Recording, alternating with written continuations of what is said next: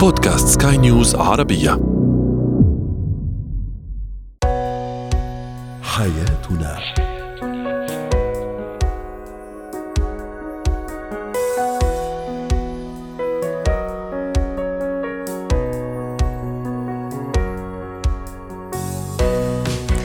مستمعينا الكرام أهلا بكم معنا إلى حياتنا. فضاؤكم اليومي الذي يعنى بشؤون الأسرة وباقي الشؤون الحياتية الأخرى والذي يمكنكم الاستماع إليه عبر منصة سكاي نيوز dot com slash podcast وباقي منصات سكاي نيوز العربية الأخرى.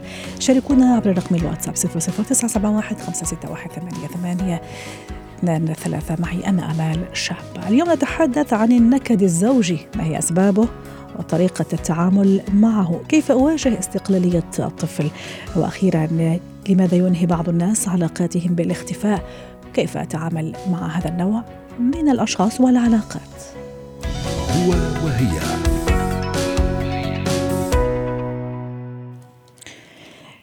النكد الزوجي مشكلة قد تتكرر في بعض الأسر وبين بعض الأزواج. ما هي أسبابه؟ وكيف نتعامل مع الشريك النكدي؟ رحبوا معي بدكتورة زينة صوفي الأخصائية النفسية والأسرية ضيفتي العزيزة من دمشق. أهلا وسهلا دكتورة زينة. إيش يعني نكد زوجي إيش يعني شريك نكدي زوجة نكدية أو زوج نكدي؟ أهلا وسهلا فيك يا أهلا وسهلا. وبشكرك على الموضوع اللي كثير مهم. الزوج النكدي هو شخص متقلب المزاج سريع الغضب مثل ما بيقولوا ما بيعجبه عجب. من شبهه بمثل بيطلع بالكاسة على الفاضي على القسم الفاضي منها ما بيطلع على القسم على القسم المليان. هو شخص عنيد لوام جدا وبحب بنفس الوقت يعيش دور الضحية. وغالبا هو شخص بحب العزله بس إذا جينا لنحلل هي الشخصية بعد الأمر رح نقول نحن ما بنخلق بهي الطريقة. يعني لنرجع لنرجع للفطره الإنسانية. بنشوف الطفل بعمر سنة ونصف هو شخص محب للحياة.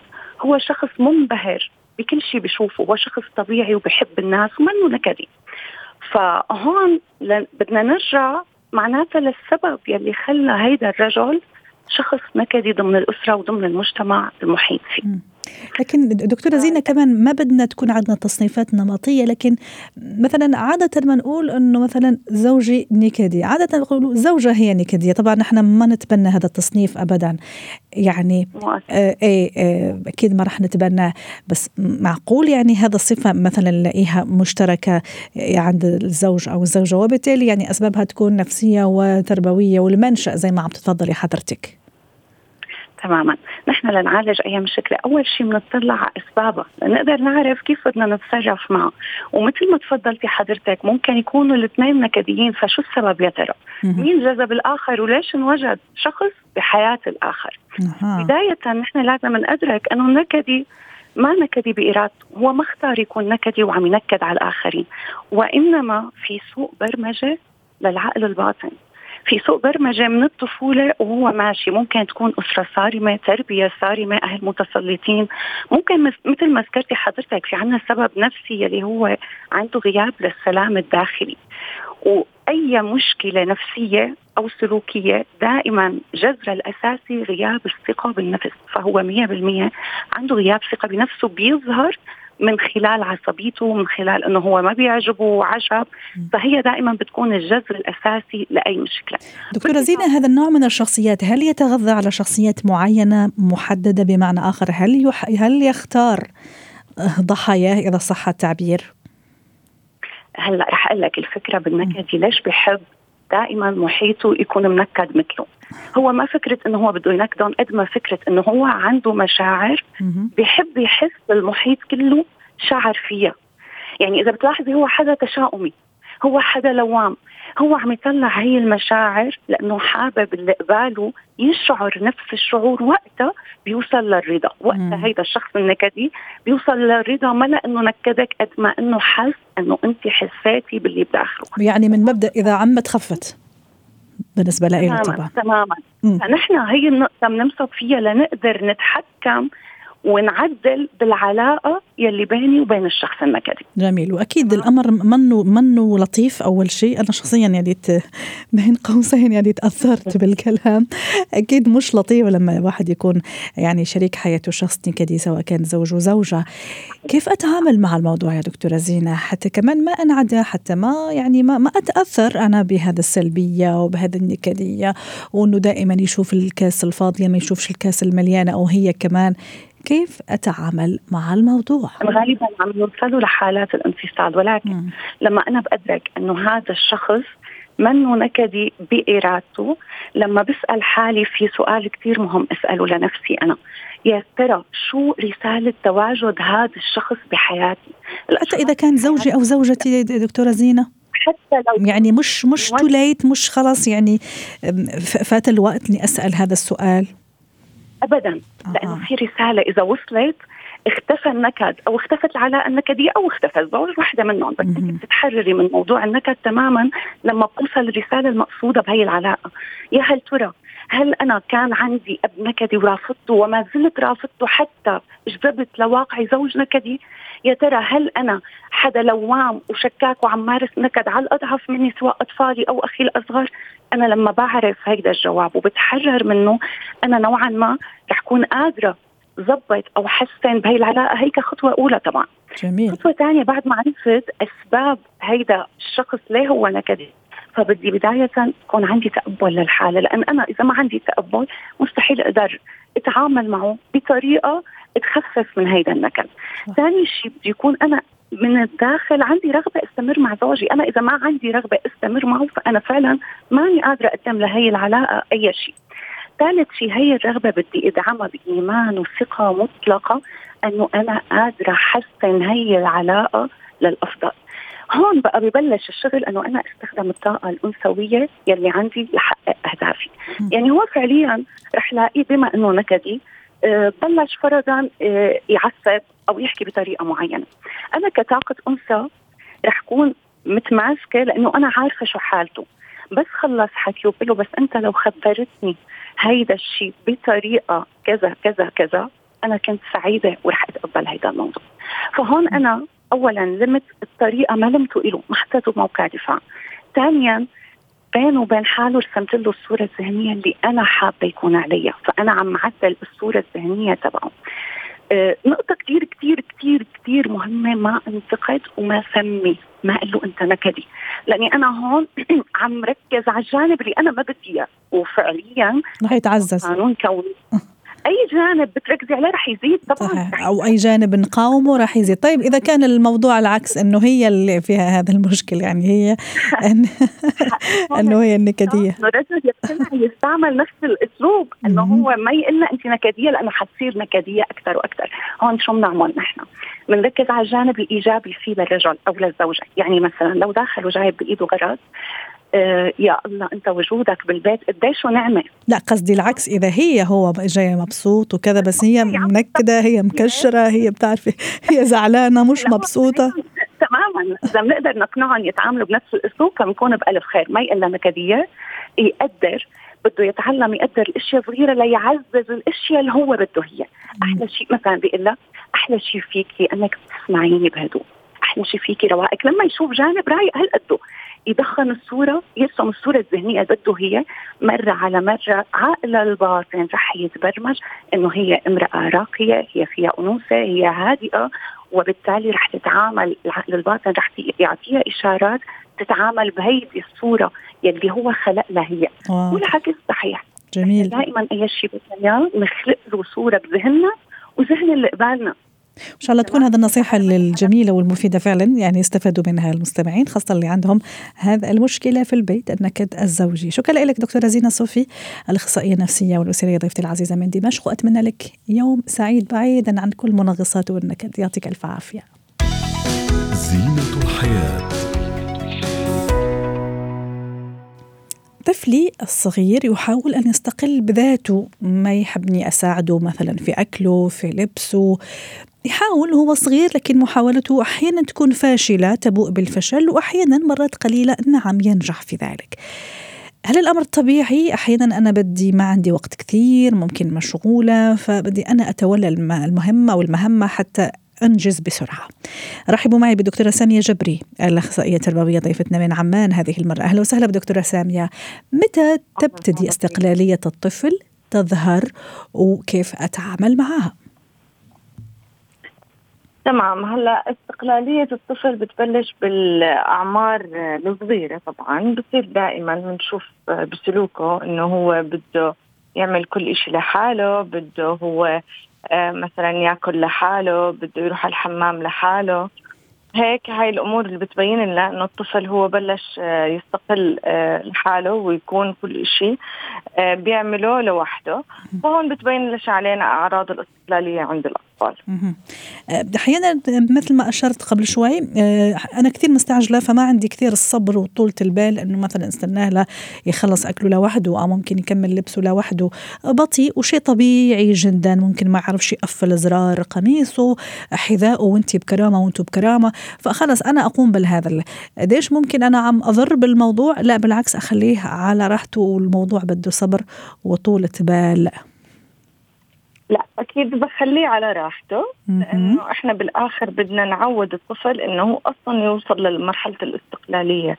وطبعا بتكون هي هذه آه، حسب ما إحنا بنراقبه. يعني بنشوف شو الأشياء اللي هو عم بيعملها بطريقة صحيحة بنكمل أما الأمور اللي إحنا بنحس إنها هي عم بتأثر عليه بطريقة سلبية وبتسبب له خطر. طبعا أكيد الخطر أكيد أكيد طبعا هذا الشيء مفروغ منه. اي طبعا أكيد الشيء الخطر المطبخ ممكن الآلات الحد أكيد نحن ما عم نحكي في هذا. بس أحكي إنه موضوع طولة البال والصبر أكيد رح تكون مراقبة. الأشياء اللي عم يعملها صح أعززها ثناء الشكر يمكن. الأشياء اللي ما عم يعملها صح أحاول إني أساعد. يساعدوا قصدي موضوع طولة البال وإني أخذها إنه علامة صحية كمان دكتورة سامية صح ولا لا؟ أكيد. أي. طبعا طبعا. مم. وهلأ هون يعني الحل المناسب عشان الوقت بحكي له قبل بوقت. يعني أنا بكون عارفة ابني مثلا ياخذ ربع ساعة إنه مثلا يجهز نفسه أو يأكل بعطيه ربع ساعة قبل بوقت وبكون أنا مرتبة جدولي على هذا الموضوع. فهون أنا بكون يعني رضيت الطرفين رضيت طرفي أنا كأم ورضيت الطرف الآخر واللي هو الطفل. صح آه، ممكن الموضوع اليوم على الاستقلالية راح يقودنا كمان للشق الآخر للشخص اللي اتكالي والطفل الاتكالي اللي أبدا ما, ما بده يعني يتعود على نفسه رغم أنه عنده كل الإمكانيات والقدرات والسكيلز أنه ممكن يأكل لوحده آه، يدخل الحمام لوحده وأنتو بكرامة يغير قميصه لوحده بس يعني اتكالي خلص تعود أنه ماما بتعمل كل شيء في أرجع أعدل الموضوع أعدل السلوك هذا وكيف؟ أكيد أكيد. طبعا بنقدر نعدل السلوك ودائما يعني عشان نكون عارفين خير الأمور أوسطها. يعني أنا إذا طفلي أصلا آه، ما عنده استقلالية مش شرط أخليه يوصل للاستقلالية بشكل كامل بنبلش نعدل شوي شوي لتصير وسط. تمام؟ آه وهذا الإشي كتير طبعا رح يأثر عليه بطريقة إيجابية ورح يخلي شخصيته تنمو. وتتحسن آه لأنه هذه من الأمور اللي أصلا هي بتأثر على شخصيته بطريقة إيجابية. وأكيد موضوع المقارنات أيضا دكتورة سامية. أحيانا ممكن كأباء أمهات أمهات تحديدا ممكن نقع في خطأ. إنه آه شوف مثلا أخوك أحسن منك أخوك أصغر منك بس معتمد على نفسه مستقل بذاته ابن خالتك ابن عمتك. يعني موضوع المقارنات آه، كمان يعني آه، يا ريت نحكي عليه في عجاله إنه ممكن يعني بدل ما يعمل خطوة لقدام يعمل خطوتين لورا لأنه راح يحبطه راح يحسوا إنه ما عنده هذيك الثقة إنه كل الناس أحسن منه. فشو ممكن نصيحتنا للآباء والأمهات في هذا النقطة تحديدا عدم المقارنة؟ تمام.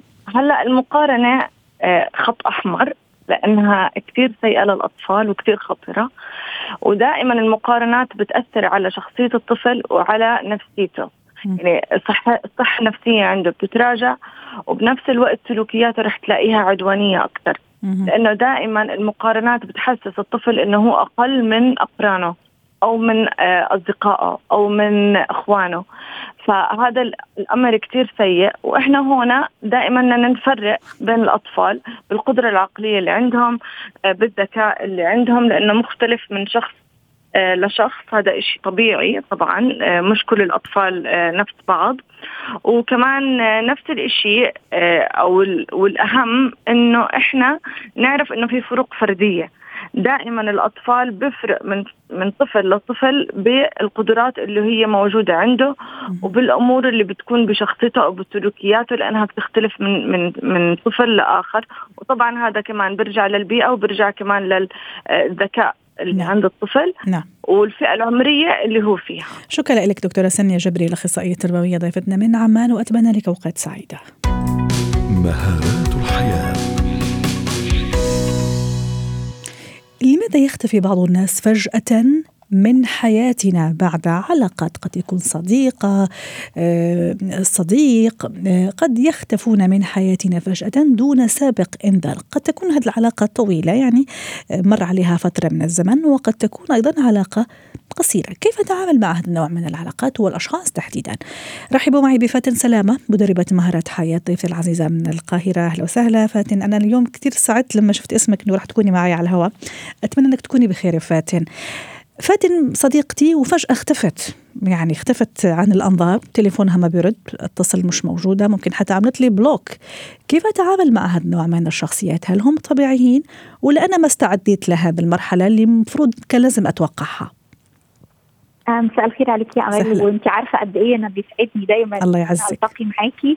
ومساء الخير على كل المستمعين. طبعا ال ghosting أو إن أنا أظهر أو أختفي الشبح. اي سبب آه اللي هو من أي توضيح آه، أو إبداء أسباب بختفي من علاقة. ده طبعا بيؤثر على الشخصين بيؤثر عليكي إن أنا اختفيت من حياتك وأكيد أنا عندي أسبابي. هي مش ظاهرة جديدة ولكن زي ما حضرتك ما قلتي أنا ممكن حتى أعمل لك block فبالتالي ال social media ساعدت في انتشارها 2018 مم. موقع Psychology Today عمل دراسة والدراسه أكدت على إن 25% من اللي آه، آه، كانوا في الدراسة دي أكدوا على إن هم تعرضوا لل ghosting أو الشبح في العلاقات أو و22% منهم قالوا إن إحنا بنعمل ده بنختفي طيب لو حضرتك تعرضتي لده أنا لازم في البداية أفهم ده حصل ليه. بداية ال ghoster أو الشخص اللي بيختفي بيكون عنده عدم قدرة على المواجهة بيكون آه عنده آه ما عندوش القدرة إنه يظهر التعاطف إنه يشارك أحاسيسه معنا لأن العلاقات أو ال relations بيكون فيها مشاركة في حاجات كتير جدا. فبالتالي هو لا يتحمل مسؤولية هذه العلاقة ولا يتحمل القدرة على المواجهة أو لا يجيد القدرة على المواجهة إن أنا أقف و confront امال وأقول لها مش قادرة أكمل في العلاقة دي حتى لو إحنا أصدقاء. أنا عايزة أكون في ال comfort zone بتاعتي مش عايز حد يكون معايا فبختفي أنا ك ghostee أنا كشخص اتعرض لل ghosting ده أعمل إيه؟ بداية معظم الناس اللي بتتعرض لل ghosting بيجي لها حالة من هو أنا عملت إيه غلط؟ بيجي لها حالة من هو أنا مش enough يعني هل أنا شخص أنا صديق مش enough أنا حبيب مش enough بيجي لها فكرة إنه بيجي لها lack of self confidence فبالتالي لازم نقف عند ده. لازم أقول لا هو اللي أخذ القرار. هو خرج من حياتي فاتن خرجت من حياة أمال مش عايزة تكون صديقة معاها. فبالتالي دي مسؤولية فاتن أنا كأمال أنا شخص كويس. أنا عندي إكس وواي وزد دول أصدقائي. أنا أنا أنا في علاقات أخرى. ولكن هي أكيد عندها أسبابها إن هي تختفي من العلاقة. زي ما قلت ال social media وال block وإن أنا أغير ال account أعمل account تاني آه، آه، بتساعد على ده بصورة كبيرة. طيب أروح أعمل أنا علاقات أخرى و account تاني يا أيوة. فاتن. أيوة. كمان أم أم يعني أقيم علاقات أخرى بين قوسين. مثلا عندي صديقة أخرى وممكن أتذكر صديقة أخرى أو مثلا منى صار لي كثير ما, ما تواصلت معها خلي أتواصل معها. وهلم مجره كمان؟ يعني هل هي يعني خلص راح يعني يتعود عليها هذا الشخص اللي يختفي بهذه الطريقة. بصي يا أمال هو في فرق ما بين الجوستنج إن أنا أختفي تماما من حياة أمال أنا كفاتن وإن أنا أظهر وأختفي وأظهر وأختفي. ال ghost بيختفي تماما من حياه يعني أنا بختفي تماما من حياتك مش بتعرفي توصلي لي وده بيؤثر عليكي نفسيا. أنا مش عايزة أنا حضرتك توصلي للمرحلة دي. لأن أنا كمان كفاتن متأثرة نفسيا وليا أسبابي اللي بتخليني أعمل ال ghosting وليا أسباب نفسية معظمهم بيحتاجوا دعم نفسي ومعظمهم بيحتاجوا therapy ومعظمهم بيحتاجوا إن اللي حواليهم فعلا يدوروا عليهم لو هم يستحقوا الجهد والعناء. يعني لو حضرتك شايفة إن أنا علاقتي بيكي كانت فيها من الأوقات وفيها من الرابطة ما يستدعي إن أنت فعلا تدوري عليا إن أنت تشوفي آه، اصدقائي التانيين تشوفي أهلي آه، تحاولي توصلي لي حتى physically مش بس اونلاين آه تمام.